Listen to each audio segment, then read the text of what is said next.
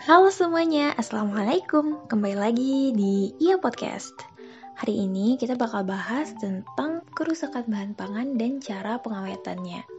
Nah, kalian pernah nggak sih mengalami kerusakan pada makanan? Contohnya, um, teksturnya yang berubah dari awalnya keras menjadi lunak Seperti pada kentang, wortel Atau justru dari lunak menjadi keras Contohnya pada tepung. Atau juga bisa jadi rasanya yang berubah aromanya yang berubah, dan lain-lain. Nah, hal ini disebabkan oleh beberapa hal. Yang pertama, pertumbuhan dan aktivitas mikroba.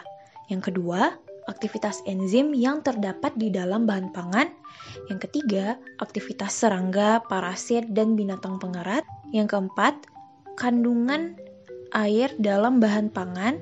Yang kelima, suhu. Yang keenam, udara atau oksigen yang ketujuh sinar, dan yang kedelapan penyimpanan. Pencegahan kerusakan mikrobiologis ini dapat dilakukan dengan beberapa cara.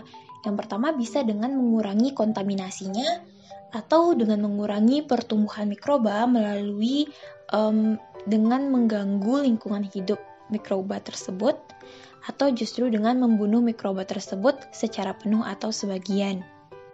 Oke, sekarang mari kita bahas cara untuk pengawetan bahan pangan. Yang pertama bisa melalui pengawetan dengan suhu tinggi. Contohnya dengan menggoreng, mengukus, membakar, dan lain-lain. Ada beberapa istilah dalam pengawetan secara pemanasan. Yang pertama ada blanching, yaitu dengan merendam bahan pangan tersebut di dalam air yang cukup panas.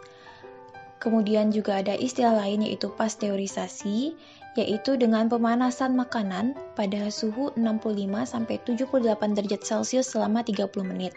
Biasanya suhu yang digunakan itu di bawah 100 derajat Celcius. Istilah selanjutnya adalah sterilisasi, yaitu dengan pemanasan sekitar 121 derajat Celcius selama 15 menit. Berikutnya, metode pengawetan dengan penambahan um, zat kimia. Yang pertama bisa dengan menggunakan benzoat, dalam bentuk asamnya ataupun dalam bentuk garamnya. Biasanya ini digunakan pada saus tomat, saus sambal, dan lain-lain. Kemudian juga bisa menggunakan propionat dalam bentuk asam ataupun garamnya.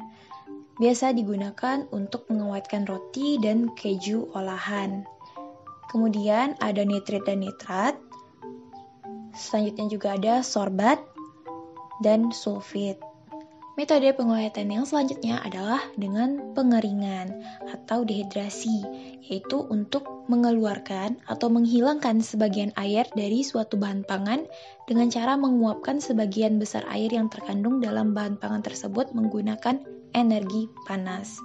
Tujuannya untuk mengurangi resiko kerusakan oleh mikroba dan enzim-enzim. Dan metode yang terakhir adalah dengan pendinginan. Oke, okay, sekian dulu buat hari ini. Makasih buat kalian udah dengerin dari awal sampai akhir. As always, never stop learning. Let's learn and grow together at least one step forward and let's make our journey here. Goodbye my friends. Assalamualaikum.